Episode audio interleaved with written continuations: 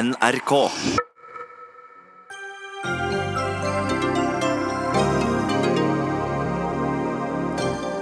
Driver Fremskrittspartifolk lefling med Anders Behring Breiviks tankegods, eller er det en fornærmelse å hevde dette?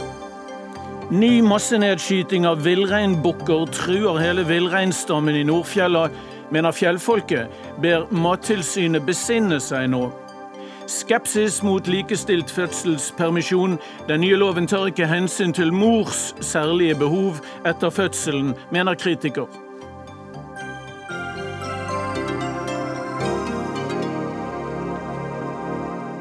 Velkommen til Dagsnytt 18. I studio er Ole Torp. Et eh, forslag om skjerpet promillegrense til sjøs er også tema i denne sendingen. Vi har alle et ansvar for å konfrontere hatet, uvettet og kunnskapsløsheten, men Fremskrittspartiet har et større ansvar for å ta dette oppgjøret enn andre. Ja, det skrev ekstremismeforsker Lars Gule på sin Facebook-side på minnedagen for terrorhandlingene på Utøya og regjeringskvartalet. Slike uttalelser er ikke bare spinnville og fornærmende, de viser også hvor liten respekt venstresiden har for dem av oss som mener noe annet enn dem, svarte du, tidligere justisminister og nå stortingsrepresentant for Frp, Per-Willy Amundsen. På hvilken måte mm. gjør han det? Altså, Lars Gules påstander er uanstendig. Det er fornærmende, og det er også intellektuelt uredelig. Han kan altså ikke på saklig vis underbygge det han skriver. Men dersom vi skal ta Gules resonnement på alvor, ja, så må det bety at eh, Arbeiderpartiet, SV, ja hele venstresida må ansvarliggjøres for vold, trusler og hat mot eh, den jødiske minoriteten, nettopp fordi venstresida fremmer Israel-kritisk retorikk. Og akkurat det vet jo Gule mye om, ikke bare i teori, men også gjennom handlinger. Men hvis vi skal Problem... ta den foreliggende sak, eh, Per-Willy Amundsen, mener du at uh, Gule på noen måte stempler deg og andre på høyresiden som uh, farlige ekstremister? Det jeg oppfatter at Gule egentlig forsøker, det er å stille en debatt hvor han mangler, og hans side mangler rasjonelle argumenter. De eh, innvandringsliberale baserer sine standpunkt på føleri, misforstått godhet. De har allerede tapt alle kunnskapsbaserte debatter. Og Det som står tilbake, det er altså forsøk på å demonisere sine motstandere, sånn som Gule og store deler av venstresida driver på. Mm. Det fungerer ikke mot meg. Jeg bryr meg ikke. Men jeg er bekymra for alle de der ute som holder sine meninger tilbake av frykt for å bli slått i hardkorn med en terrorist. Men jeg må bare spørre deg igjen, Mener du at Gule og andre på, på venstresiden stempler eh, deg og andre som ekstremister? Jeg mener han eh, driver fordreining av virkeligheten. Jeg mener han driver usaklig fremstilling av det som er et viktig tema. Hat, trusler, vold.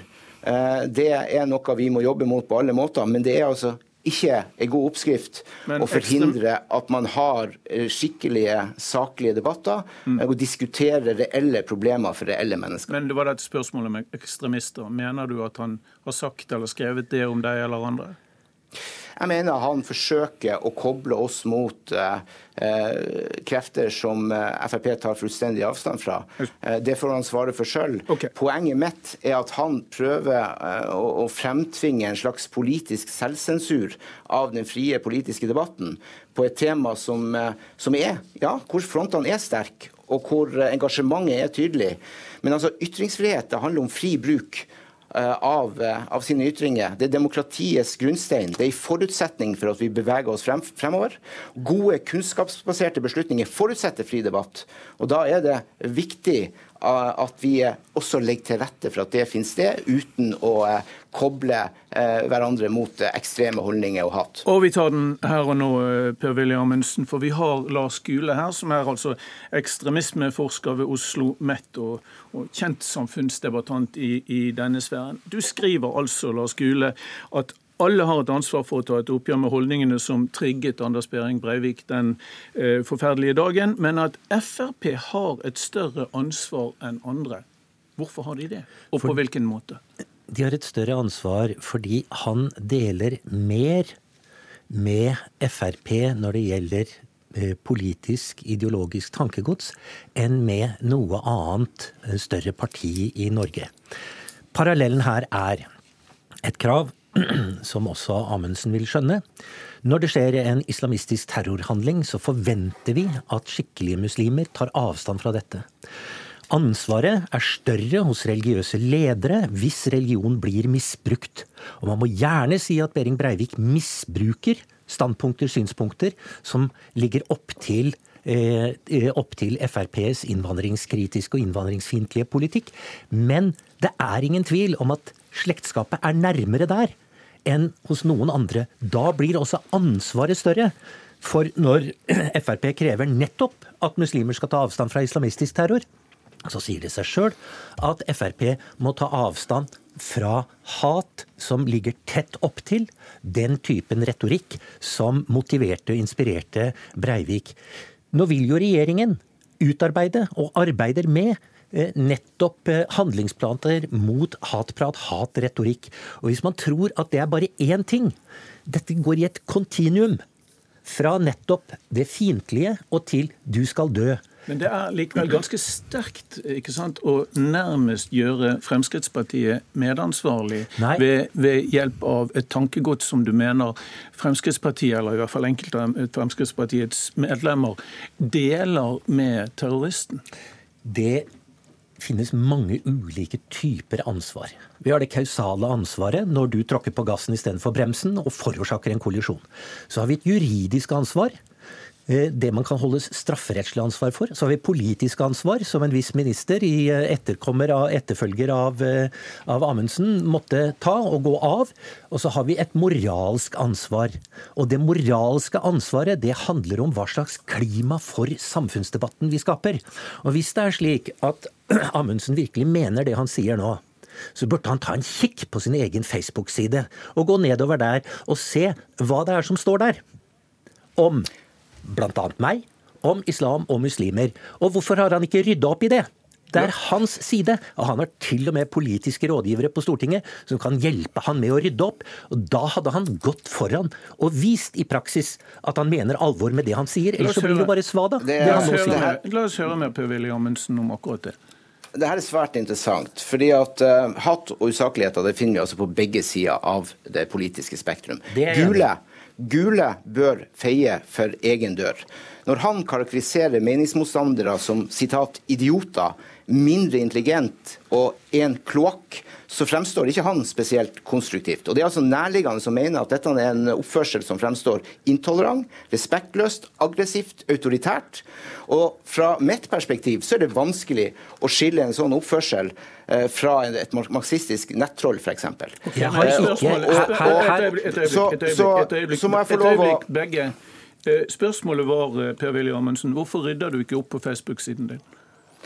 Jeg følger, følger Facebook-sida Rydd opp. Eh, og hvis du leser den Facebook-sida, det bør du kanskje gjøre, eh, så bør du gå inn og se hva som kommer der av hat. Eh, faktisk også direkte trusler. Jeg, jeg har de siste dagene mottatt flere usaklige angrep via sosiale medier som åpenbart kan karakteriseres som hat. Jeg har også mottatt trusler om fysisk vold. Men du får siste, en del støtteerklæringer også, ja, gjør du ikke det? Jo, jo, jo, men det siste vil nok politiet ha en viss interesse for. Men altså, sannheten er at dersom man forholder seg til, eh, til det som eh, forskninga som er gjort på dette området, så ser vi jo det at det er først og fremst Frp-politikere som er mest utsatt for hat, trusler, fysiske angrep eller forsøk på angrep og trusler om skade på nærstående personer. Det viser altså rapport som kom fra Politihøgskolen tidligere i år. Og politikere fra Arbeiderpartiet og Høyre de er minst utsatt. Okay. Så jeg mener Vi må ha en balanse i denne debatten. Jeg mener at vi alle bør oppføre oss skikkelig, ordentlig, redelig og ta ansvar for hvordan, eh, hvordan utsagn og angrep vi kommer med. Eh, men da kan altså ikke Gule eh, stå på sin moralsk høye hest når han sjøl benytter samme metodikken. Jeg gjør ikke det, og jeg ber andre om å moderere seg. Men vi har altså en ytringsfrihet i dette landet, og det mener jeg vi skal ha respekt for. Og så skal vi ta de som driver med, som driver med, med Nettopp, og det, det, og det er faktisk det jeg gjør. Jeg tar de som serverer hat, personangrep, usakligheter og leverer kloakk. Og hvis du hadde visst hva du snakka om når det gjelder hvem jeg karakteriserer som mindre intelligente idioter og som serverer kloakk, så hadde du ikke sagt det du sier. I løpet av tre artikler på et visst nettsted, som knapt bør eh, nevnes, så er det 800-900 eh, postinger med rene personangrep mot undertegnede. Og det går på idiot, burde ikke snakke, med andre ord knebling av ytringsfriheten, terrorist, ingen rett til å si noe som helst. Det er argumentasjonen Kanskje, Amundsen, hvis vi skulle ta på alvor det du sier, så burde du jo også peke på nettopp dette området og dette fenomenet og disse nettstedene hvor 80% av de som poster denne typen meninger, i samme slengen sier Frp er det eneste partiet vi kan stole på. Okay. Men Lars Gule, eh, Lars Gule det, er veldig, det, er veldig, trist egentlig å, å, høre. Du tar ikke andre synspunkt seriøst. Du har, ikke, du har ikke respekt for andre sine meninger. Jeg mener det er viktig i en saklig debatt at vi faktisk gjør det. Og så skal vi ta ned de folkene som, eh, som ikke klarer å oppføre seg på sosiale medier. Det er jeg også veldig for. Men du kan ikke på den ene sida så angripe de som angriper fra, venstre, fra høyresida, og ikke se alle de feilene og de stygghetene som kommer fra venstresida. Og jeg opplever dem sjøl. Det har mange Frp-politikere blitt utsatt for. Og vi er altså det partiet, de politikerne som er mest utsatt for denne type handlinger. Okay. Så fei for din egen dør. Ta ansvar for det du sjøl sier og, og, og, gjør, og ikke bare pek peke på alle andre. Ja, men kan, jeg gjør det, og jeg sletter også, også innlegg Helt riktig, og jeg gjør det, og jeg okay, redigerer la, min side og sletter innlegg med hatefulle ytringer mot, uh, mot skritt, andre. La oss ta et skritt videre, Per-Willy Amundsen. Um, du skriver uh, et sted på Facebook at det er, uh, dette er et sitat det er 100% legitimt og standpunkt, og mener at vi må begrense innvandringen fra muslimske land til Norge og Europa. Um, er det det? Ja, eh, jeg mener at enhver selvstendig stat har rett til å styre innvandringa eh, og sikre integriteten av sin egen lands grense. Vi eh, vet at den fremmedkulturelle asylrelaterte innvandringa i særdeleshet kommer fra muslimske land. Vi vet at folkevandringa til Europa, som har pågått lenge, men som virkelig slo fart i 2015, mangler bærekraft. Det er godt demonstrert. Det handler om økon manglende økonomisk bærekraft, det handler om uh, manglende verdimessig uh, bærekraft, men det handler også om sikkerhetsutfordringer. Dette er godt dokumentert, og jeg mener det er viktig og riktig standpunkt. Ja. Du, og, det, det, er ute etter her, for Du benyttet jo uh, syvårsmarkeringen for 22.07 til å skrive et innlegg på Facebook der du krever at folkevandringen og dette er et sitat igjen, folkevandringen fra muslimske land bør oppheve, eh, bør opphøre. Hvorfor var det et poeng du ville ha med den dagen? Ja, det var ikke et poeng jeg ønska med den dagen. Det var et uh, poeng som uh, kom i mitt tilsvar til uh, Lars Gule. Jeg hadde ingen interesse av å skrive så veldig mye den dagen. jeg har respekt for den dagen. Men når jeg opplever at såkalte terrorforskere og ekstremistforskere bruker dagen til å angripe Frp, så mener jeg det er rett og rimelig å svare. Men det kan, det står jeg for. Kan det oppfattes som religiøs diskriminering? Nei, det er ordkløveri.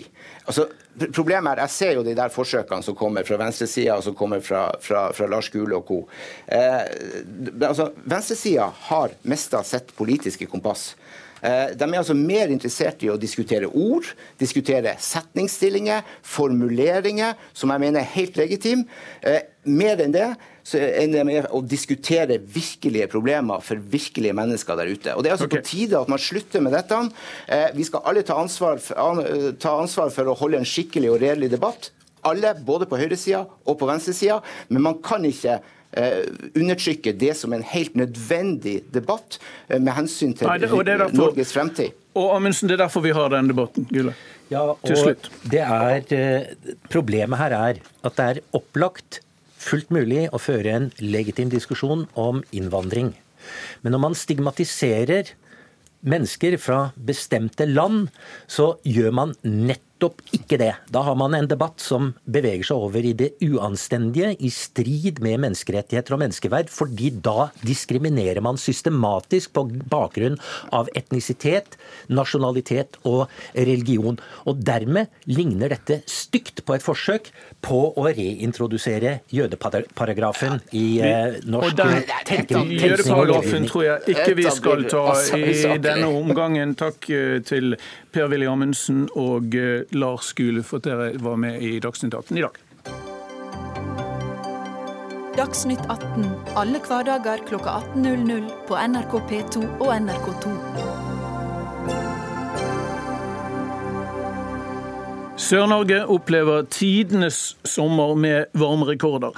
Fremdeles er det likevel flere som stiller spørsmål om det er et resultat av klimaendringene vi egentlig ser. Men hvor mye vær og hvor mye er klima? I dag sa statsmeteorolog Bente Wahl her i NRK at citat, denne sommeren er et bevis på global oppvarming. Rasmus Benstad, seniorforsker ved Avdeling for modell- og klimaanalyse i Meteorologisk institutt. Er du enig med din kollega?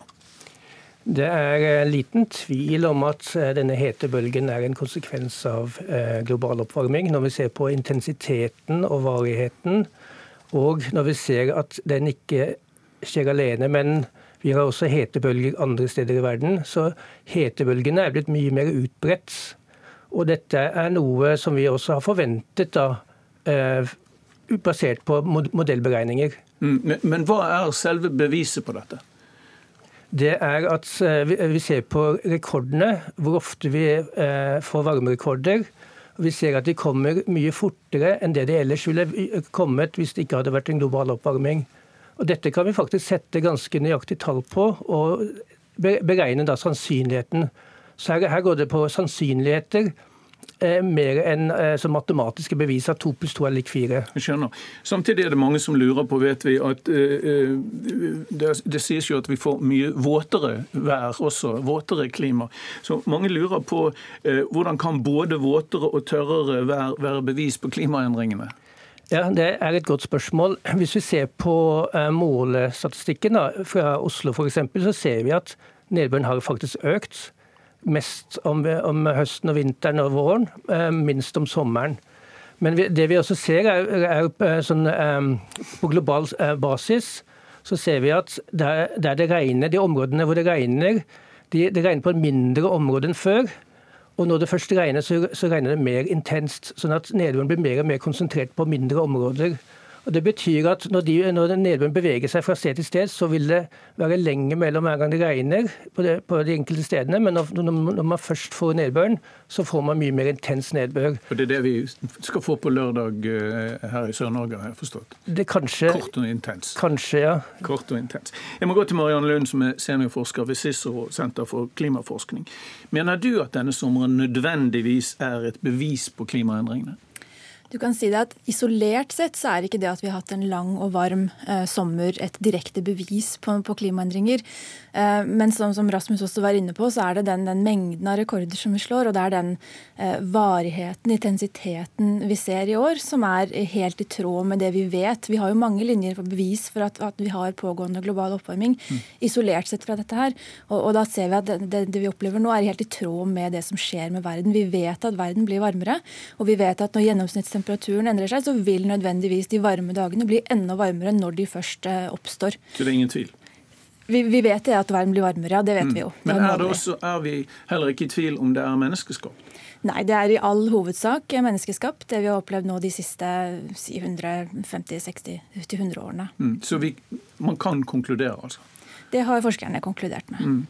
Eh, vi har også med oss eh, fra, fra um, fra Elverum, Thomas Cottis, som er høyskolelektor ved Høgskolen eh, Innlandet og underviser i eh, nettopp eh, klima der. Og jeg skal også si at han er leder for Naturvernforbundets fylkesstyre i Hedmark. Jeg har lyst til å spørre deg, Thomas Cottis, Syns du at klimaforskerne er så klare som de etter din mening burde være, når vi snakker om denne sommeren som bevis på klimaendringer?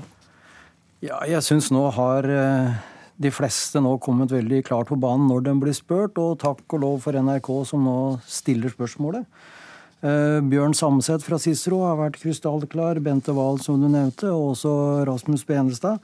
Og slik jeg hører Marianne Lund, så er vi nå veldig enige om at vi har virkelig laga oss et eh, global oppvarmingsproblem, og det syns svært mange steder i verden, og nå får vi det i vår egen matproduksjon. Nå vil det være eh, klimaskeptikere som hevder at, eh, at eh, forskerne opptrer som politiske aktivister her. Skal vi være redd for det?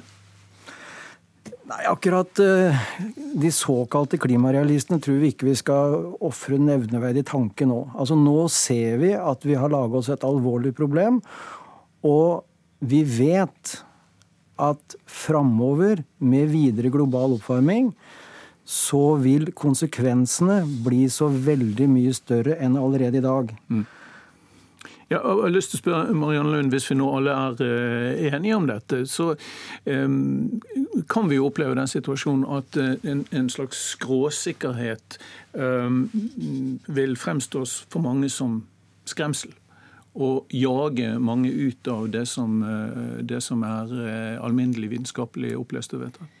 Jeg tror ikke det at vi har noen, noen fare for noen skråsikkerhet. Sånn som jeg opplever det, så er forskerne eh, flinke på å, å, å tydeliggjøre at dette her er eh, sannsynligheter og det er, en, det er økte risikoer. Både for som du sier, de våte ekstremene og de tørre ekstremene. Eh, så jeg tror man er, gode til å få frem bredden og gode til å ikke låse seg på at det er én type konsekvenser som blir, eh, som blir viktig å, å, forholde seg til og tilpasse seg til. Mm. Det er klart at Vi må etter hvert nå forholde oss til et klima som er annerledes enn det vi er vant til. Og Det tror jeg det er viktig å få fram, samtidig som det selvfølgelig er en balanse her med at eh, man ikke skal skremme for mye. Og Det er klart det er en helt egen gren omtrent, det å, mm. å diskutere hvordan oppnå den balansen i kommunikasjonen og formidlingen. Og hvordan gjøre befolkningen bevisst uten å skremme dem ned i skyttergravene. Ja. Jeg vil bare tilføye at eh, vi på Meteorologisk institutt, vår oppgave er å verne liv og verdier. Mm. Og Det vil si også beskrive risiko forbundet med vær. Eh, så det er vår oppgave. Også dette, det, det vi sier er basert på vitenskap. Det er tung vitenskap. Det er basert på fysikk og statistikk. Og vi er veldig sikre på dette her. Vi, altså man har visst om dette her i over 100 år. Eh, så det er ikke noe, ikke noe skremselspropaganda. Vi, vi, vi, bør ikke la oss styre av at vi får kjeft fra noe som ikke liker det vi sier. Så, så vi, må, vi, må, uttale oss på, basert på, på objektive fakta. Da. Mm.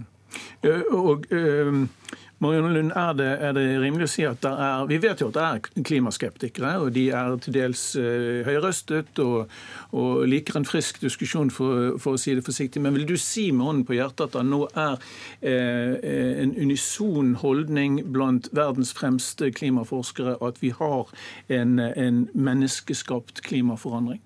Ja, vi har, en, vi har, en, verden som blir varmere, og den er i all hovedsak, eh, for, det er i all hovedsak forårsaka av våre aktiviteter. Men jeg spør om det er en alminnelig oppfatning ja. som man som forskere over hele verden er, er enige om? Ja, altså grunn, Grunnkunnskapen og grunnfaktaen er vi enige om. Så kan vi mm. snakke om uh, hvor alvorlige konsekvensene blir, når og hvor osv. Men det grunnleggende er vi enige om. Thomas Kottis, hvor oppmerksom er, siden du underviser i dette, den uh, oppvoksende generasjonen omkring disse spørsmålene? Uh, det er nok et stykke igjen før folk flest skjønner hvor alvorlig det vil bli framover. Og der syns jeg at Bjørn Samset fra Cicero sa det veldig bra her om dagen, når han sa at eh, temperaturøkningen har vært sånn som vi har forventet, men konsekvensene kommer allerede så mye raskere og er allerede så mye verre enn det vi hadde forventet. Og det er nettopp konsekvensene som er så vanskelig å forstå. Altså Vi ser det været vi har ute nå. Vi ser at det blir elendige avlinger altså i, i, i vår egen matproduksjon.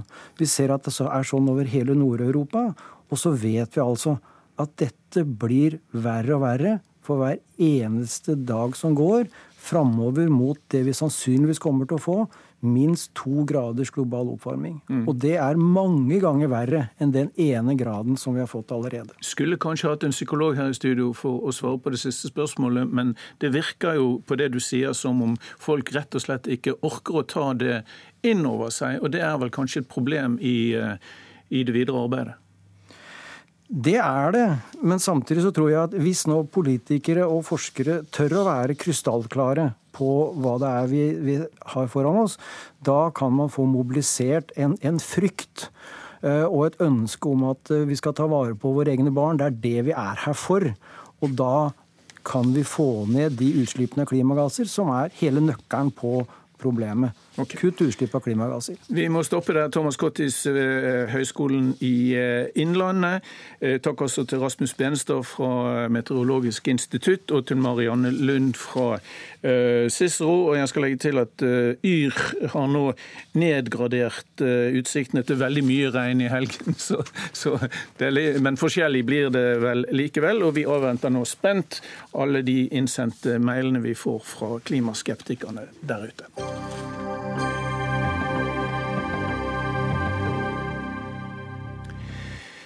Regjeringen vil ha flere såkalte kulturturister til Norge, og har nedsatt et eget utvalg som skal legge til rette for det. Begrunnelsen er at denne satsingsgruppen legger igjen mye penger, og derfor bidrar til arbeidsplasser innen kultur og reiseliv. Men er det egentlig kulturinstitusjonenes hovedoppgave å være turistattraksjoner? Ikke alle er like begeistret over at kulturinstitusjonene og den kommersielle reisenæringen nevnes i samme åndedrag. Kulturminister Trine Skei Grande er med oss på linje. Hvorfor trenger Norge en egen satsing på kulturturisten? Eh, fordi et stort potensial for Norge. Både et stort næringspotensial som kan skape mange arbeidsplasser som kan være langvarige og gode for landet vårt nå når vi skal gjennom det svære grønne skiftet der vi skal ikke være så avhengig av olje, jf. den saken som gikk før, så skal Norge gjennom en svær omstilling. Og Da må vi skape nye arbeidsplasser og nye næringer. Og Reiselivsnæringa er en næring som er i stor vekst, der Norge ikke har fått ut potensialet sitt. Og Mye av det vi har gjort i Norge, er å reklamere mye med naturen vår Eh, slagordet på, til Innovasjon Norge på dette er jo 'powered by nature'. Jeg er litt opptatt av at det også skal være litt 'powered by culture'. Fordi et kultur og det som Norge har å vise fram, er et fantastiske ting som vi egentlig burde ha spredd, og som flere burde ha muligheten til. Og vi ser nå at hvis du spør, hvis du spør dem som reiser inn til Storbritannia, så svarer en tredjedel at de reiser dit av kulturhensyn. Og vi har jo masse vi kan vise fram, vi også. Mm. Kulturturisten bruker 30 eh, eh, mer penger på ferie i Norge enn andre turister gjør. Det snakkes om 2200 kroner versus 1700 kroner, altså 500 kroner mer i døgnet. Det blir fort penger av det. Ville satsingen på kulturturister vært like tydelig om de var litt mindre rause med pengebruken, sånn som vi vet at cruiseturister og kanskje bobilturister er? Jeg tror allerede Norge blir et sånt land som er, blir kjempebillig. Det oppfattes kanskje billig for dem som drar til Lofoten og, og bruker naturen vår helt gratis. Men vi ser jo også at mye av den turismen er slit på sliter på naturen vår, og i mange veldig sånn, sterke turister som ja, f.eks. Lofoten og Svalbard og de områdene som er ganske sårbare, så er det mange av disse turistene som ikke legger igjen så mye penger, men som sliter veldig mye på det som er vår, vår felles eiendom, nemlig utmarka vår. Mm. Så det å det å prøve å vokse på andre felt og prøve å vise fram andre ting. Og jeg har nok hørt høyere tall enn det du snakker om med okay. 500 kroner òg, fordi det er folk som dette er folk som er villige til å betale litt for de opplevelsene de okay. har. La meg være helt konkret, Trine Skei Grande, eh, og snakke litt om museene. Hva skal museenes rolle være i dette? Skal de være mer proaktive? Skal de være mer offensive? Skal de ha, operere på flere språk? Skal de forandre utstillingene sine for å tekkes turister og trekke til seg flere, flere gjester, f.eks.? Nei, men Jeg tror ikke at vi helt ser potensialet i dette. Altså Når vi nå ser at en Jeg har lest tall som at f.eks. Ystad pga. krimromaner har ca. 250 000 besøkende i året. Folk reiser land og strand rundt for å, i Sverige for å oppleve Arn sitt rike gjennom Yang Yo sine bøker. Altså Både litteratur og museum og kulturopplevelser er en viktig del av de opplevelsene som vi alle sammen setter sammen til en ferie. Vi har lyst til å gå der Jo Nesbø sine bøker er skrevet. Vi har, vi har lyst til å oppleve der vi har sett filmer fra, men vi har også lyst til å lære om Munch, og vi har lyst til å lære om Ibsen, og vi har lyst til, å, til å være en del av det, det dannelsen som Norge har bidratt med. Da. Det er mye å ta av. Ehm, jeg vil likevel eh, forsøke å snakke litt om museene, fordi Georg Arnestad er med oss på en annen linje. Han er kulturforsker ved eh, Høgskolen på Vestlandet. Ehm, Georg Arnestad, hvilken rolle bør turistene ha i museenes samfunnsoppdrag? Ja, jeg kan først si at jeg tror, eller Per i dag så, eh, så er Norge som reisemål basert på natur og naturbaserte opplevelser. Slik har det vært lenge, og slik tror jeg det vil være i framtida. Men nå vil vi diskutere ja, På den andre sida så har staten tidligere hatt sterke satsinger på kultur og reiseliv. Vi husker tilbake til den tid Lidvin Osland var direktør i Kulturrådet. Da hadde Kulturrådet tre-fire mm. års sterk satsing. Når det gjelder kulturinstitusjonene, så, er det få, altså, så har museet et større potensial for eller Per i dag så trekker norske museum til seg turister. Det gjør det disse her, kulturhistoriske museer som du finner over hele landet. Det gjelder kunstmuseer og det gjelder tematiske museer som du har i storbyer. Det er alltid eh, trekk til seg turister, uten at de nødvendigvis har markedsført seg som turistinstitusjoner. Men, men Arnstad, eh, det skjønner jeg, men la meg spørre på en annen måte. Er du da redd for at koblingen mellom kulturpolitikk og, og eh, masseturisme skal påvirke kjerneoppgavene til museene på noen negativ måte? Jeg er ikke så redd for at det påvirker dem på en negativ måte, men jeg er redd, spesielt når det gjelder museer, så har museer i dag forferdelig mange oppgaver fra før. og Vi har også vært gjennom en stor og krevende eh, museumsreform. Altså, museum har to hovedoppgaver. Det er å forvalte alle de gjenstandene altså, og kunstverkene sånn som museet har, og å formidle disse her på ulike måter til allmennheten. Det er også turister. Så har museet fått en ny oppgave som er blitt mye mer vektlagt de siste åra. Det er forskning forskning, såkalt tellekantforskning, tellende publikasjoner. Og for noen år siden i stortingsmelding så skulle museet også ha fikk en fjerde F, som het fornying. og der Museet ble pålagt å ha en aktiv og utadretta samfunnsrolle. Og så var det dette med turisme? Ja, og så kommer dette, som, dette nye satsinga på turisme i tillegg. Og det tror jeg at det er en fare for at museer som er hardt belasta i dag, det er en museumsforsker i BUI Telemark har stilt spørsmål ved om har museer en en, tilstrekkelig nok bærekraft eller lasteevne til å ta enda en ny oppgave. Og det er slik at Når den museet får nye oppgaver, så forsvinner ikke de gamle oppgavene. Altså, for, altså for, uh, Forvaltning og, og, formidling av uh, museene sine altså gjenstander og den kulturarven som museene forvalter, den er like viktig i dag som før. Forskninga skal være enda viktigere, og, og eh, for, fornyingsrolla, samfunnsrolla, skal være den er ny og skal være viktigere og viktigere. Da, da får vi spørre da får vi spørre kulturministeren om museene f.eks. vil få ekstra bemanning, ekstra bevilgninger til å bli mer aktive og attraktive for turister, uten at det går utover eh, kjerneoppgavene som, som Arnestad nevnte, forskning, formidling, forvaltning og fornying? Nei, Disse fire F-ene møter jeg igjen når jeg besøker museum over hele landet. Og jeg møter, det, er, litt vanskelig å ta inn over seg liksom, kritikken mot dette. For jeg møter museumsfolk over hele landet som syns det er kjempeartig å formidle. Som syns at det å formidle den historien de er satt til å forvalte, er det morsomste som skjer. Og for hver en ny som kommer inn døra, så blir museumsfolk glad for at de har flere å formidle det til. Men Trine Skjegrande, spørsmålet er, hvis de får flere oppgaver, får de da også flere midler øh, med på lasset? Ja, det er klart at hvis, Men det er ikke noe flere oppgaver. Altså, museum må ha gjester. Hvis man ikke har noen som besøker dem, da, er, da har ikke samlinga noen verdi. Okay, For samlingas verdi blir i møte med folk. Så svaret skjønner mitt, så svaret på mitt spørsmål er nei, er det sånn å forstå? bare så vi får Jo, jeg tror at hvis vi, skal, hvis vi skal løfte reiseliv som, uh, som, en faktor, så må vi satse mer på f.eks. åpningstider, flere dager. Vi skal nå bygge et svært nytt nasjonalmuseum i Oslo. De har uttrykt ønske om å ikke ha stengt på mandager i sommerhalvåret. For da er det mange tilreisende til Oslo, og mange som har lyst til å oppleve kunsten som er der. Og jeg skjønner, altså Turister er jo sånn som meg. Nå er jeg på ferie i Arendal, jeg har vært på ferie i Lofoten. Det er nordmenn også som reiser rundt. og Hvorfor vi skal sørge for at færrest mulig får tilgang på dette, og at dette skal være noe som en trussel mot kulturforvaltninga, var at det kommer færre inn på museum. Det skjønner ikke jeg. Okay. Takk skal du ha, Trine Skei Grande, kulturminister Venstre, og takk også til Georg Arnestad, som er kulturforsker ved Høgskolen på Vestlandet.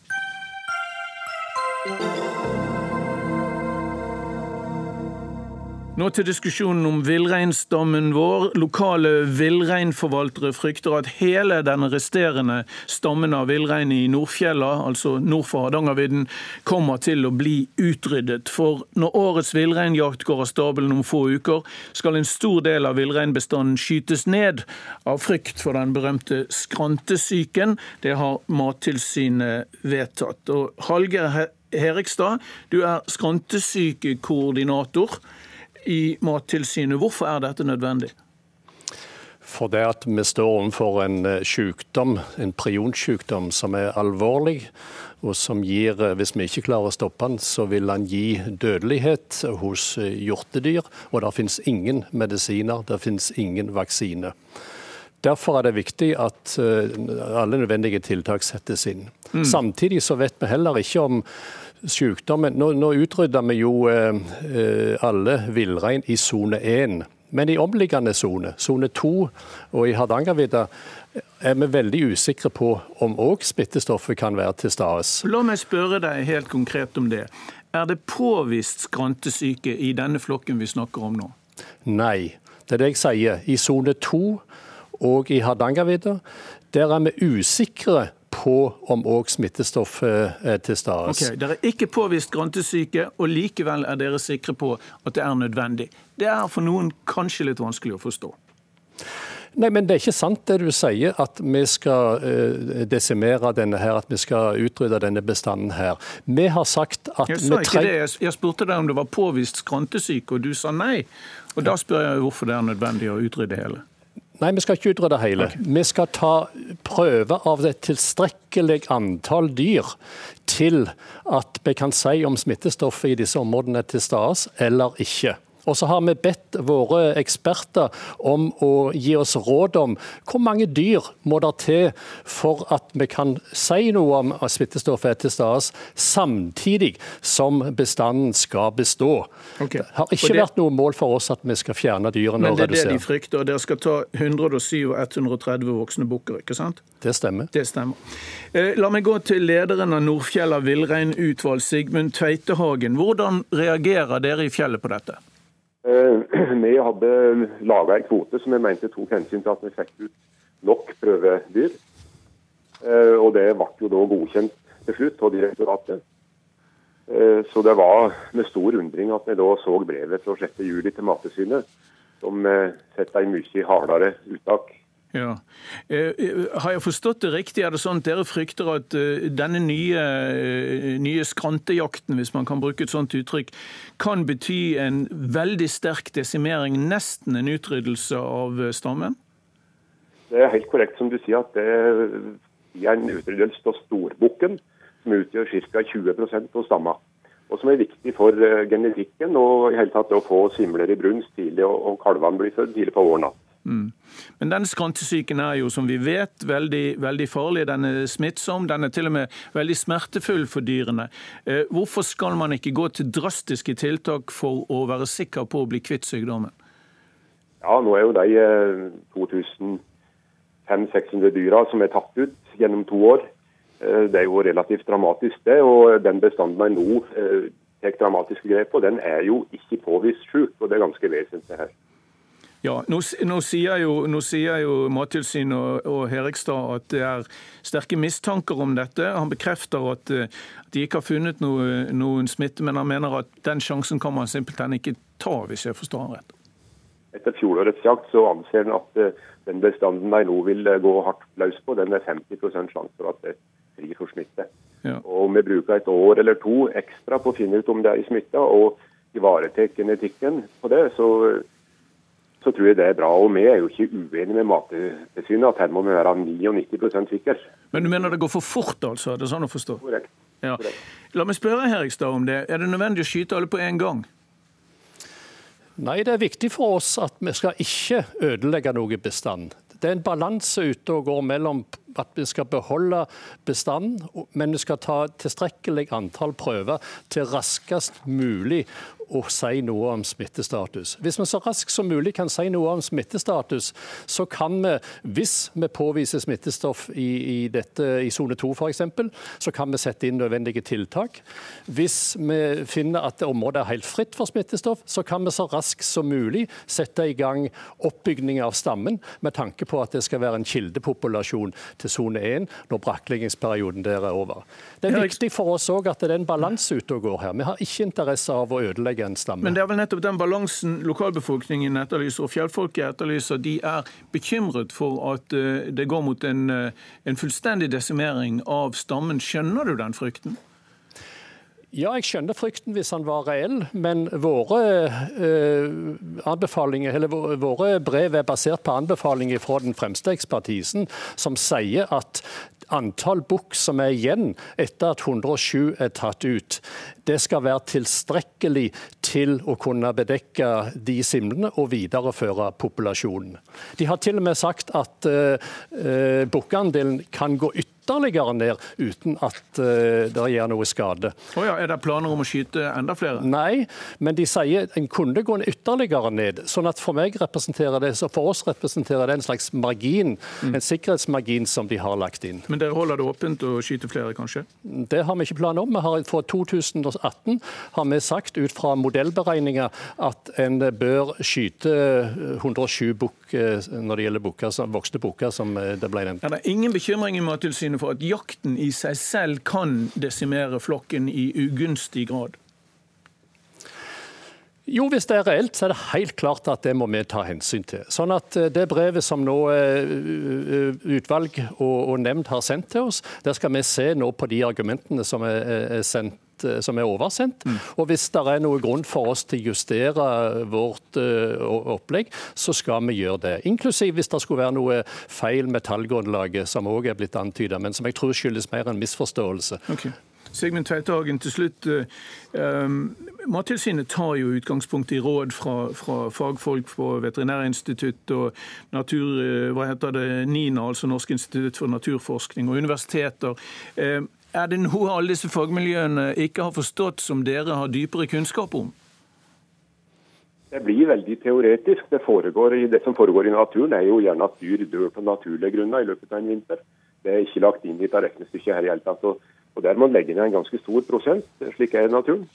Og vi har forvalta denne stamma her i 50 år, og vi har forvalta henne bra. Eh, så jeg, det, jeg er litt undrende til at Mattilsynet plutselig har fått langt bedre kunnskap enn vi som har drevet med dette i 50 år. Mm. Er det, er det, går det litt på eh, lokalbefolkningens tillit til offentlige myndigheter begynner å, jeg håper å si skrante? Definitivt. Ja. Mm.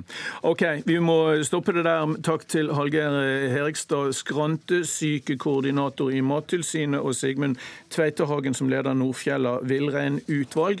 Jakten starter 20.8, går ut september. Hør Dagsnytt 18 når du vil. Radio NRK Radio.nrk.no.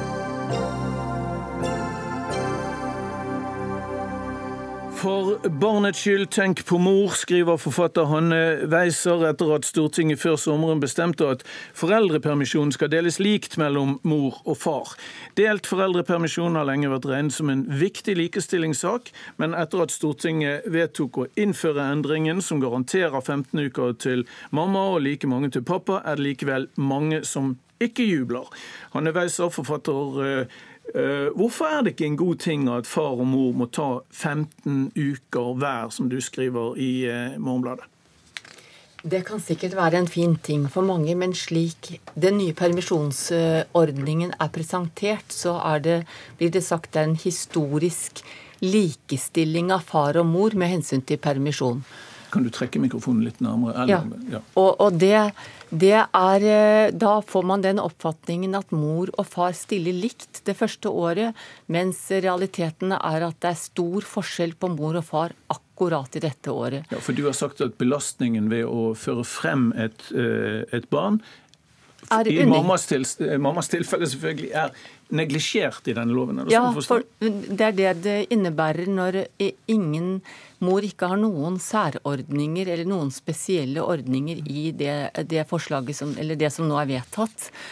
Eh, sånn at eh, da sier man jo egentlig at de stiller likt, og de stiller helt ulikt. Mor mm. har født, hun har et langt svangerskap bak seg, hun kan ha hatt en komplisert fødsel. Det er veldig mange variasjoner hvordan, i hvordan dette forløper. Men far har ingen si, kraftprestasjon eller kraftig innsats i reproduksjonen, unntatt Helt i begynnelsen. Da, Akkurat i begynnelsen. Men utover det er det, er det kvinnen som bærer byrden, og det må gjenspeiles i permisjonsordningen. Men likevel er det mange pappaer som syns dette var en, en veldig god løsning. Vi skal ikke se bort fra det. Bente Grakeleid, debattredaktør i Dagsavisen. Eh, du er glad for at mor og far får 15 uker hver. Hva, hva syns du er hovedsaken? Hovedsaken er jo Jeg er helt enig med Hanne Weiser i at eh, mødrehelse blir neglisjert i Norge i dag. Men veien til å bedre situasjonen for mødrene er jo nettopp ved å slippe fedre til i større grad. Nettopp at de kommer tidlig inn i omsorgen. Eh, vi vet at når menn gjør det, så tar de i større grad ansvar for barn videre også, og ellers i husholdningen. Eh, og omsorg for barn, vi snakker veldig mye om det første året. Det handler om flere år. Det handler om eh, hele oppveksten til et barn. Vi vil ha med uthvilte foreldre hele veien, og da er det snakk om å inkludere begge på lik linje i det første året. Så er det selvfølgelig eh, en enormt mye større fysisk og psykisk belastning for mor i starten. Eh, men da er det et oppfølgingstilbud som ikke er helt velfungerende i dag, men som bør eh, satses mer på. Altså helsestasjoner. Mm. Men her er det litt om belast, mors belastning mot fars eh, medvirkning som, som stilles opp uh, mot hverandre på en måte. og Det har vel vært lovens uh, dilemma også, Weisa? Jo, det er klart at det er en veldig god intensjon, og alle vil ha far med. Det er ingen, i hvert fall vil ikke jeg kjenner ja, jeg, ingen som ikke vil det. Nei, jeg spør men, om det er fordi at jeg tror det er syv av ti fedre som bare tar den foreldrepermisjonen ja. eller pappapermisjonen mm. som de skal ta. Ja. Uh, ikke en dag mer. Og, og da er det, det er, er veldig bra å legge uker. inn. Eh, føringer som gjør at de blir mer motiverte og i større grad tar ansvar og tar, tar seg permisjon. Mm. Men da må det gjøres på en måte som ikke går på bekostning av barnet. Fordi den første perioden med mor og barn med amming, den har veldig stor betydning. At det er en ro rundt det, og at det, den sånn som det nå er, med at mor i prinsippet skal ut i jobb etter syv måneder og en uke, så er det ikke så lett å gjennomføre det som er anbefalt norm eh, amme fullamme i seks måneder og gradvis nedtrappe frem til ni til tolv måneder. Og Det er ikke bare snakk om ernæring, det er snakk om en tett forbindelse og en, en oppbygging av fortrolighet og tillit til, fra barnet som, til den voksne. Som vi selvfølgelig ikke kan se helt bort fra. Eh, Nei, og Det er jo ikke snakk om å se bort ifra det.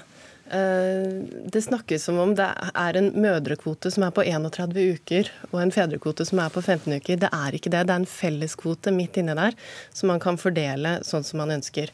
Men så kan man jo lure på da, hvorfor tar ikke fedre mer enn akkurat kvota? Det kan jo være akkurat sånne holdninger eh, hvor både du og f.eks. Jordmorforbundet den siste tiden går og snakker om permisjonen som om det er mors kvote man kutter i nå for å gi mer plass til far. Det er ikke det. Det er felleskvoten mm. man kutter i. For mm. å styre slik at både mor og far må ta en større kvote enn de måtte før.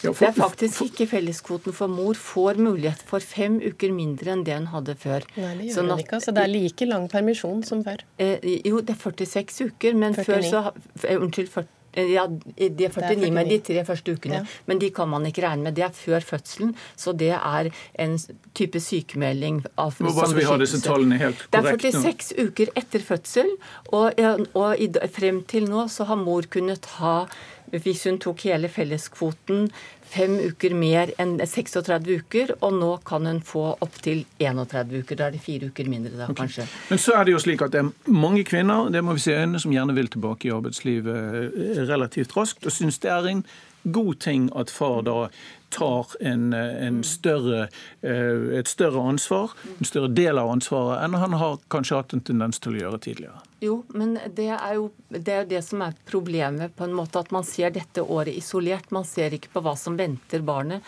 når ett år er gått. Da venter barnehage. Det er en, et underliggende premiss for ordningen.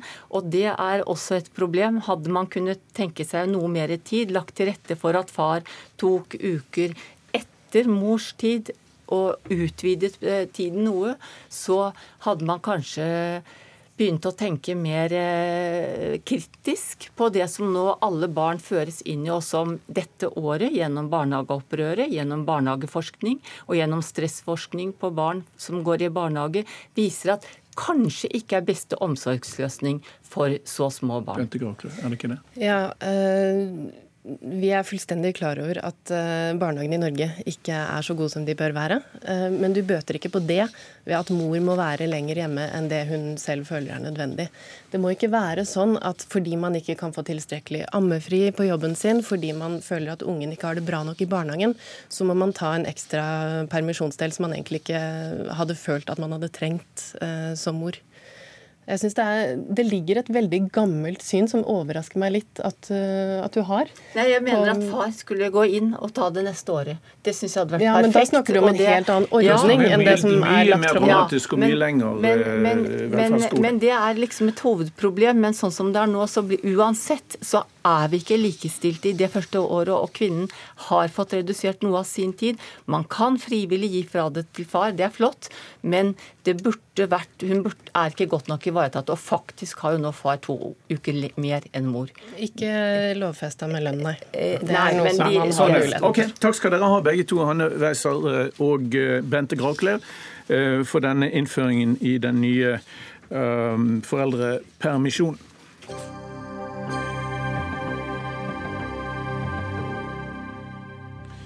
Nå til eh, livet til havs og til Kristelig Folkeparti, som vil senke promillegrensen på sjøen. I løpet av sommeren har nordmenn eh, brutt milliongrensen når det gjelder antall fritidsbåter. Det har vært sol, sommer og yrende båtliv. Men KrF ønsker å innføre samme promillebestemmelser til sjøs som på landeveien. Bilkjørerne ligger, har en promillegrense på 0,2. Båtførerne har 0,8. Tore Storehaug, stortingsmedlem for KrF.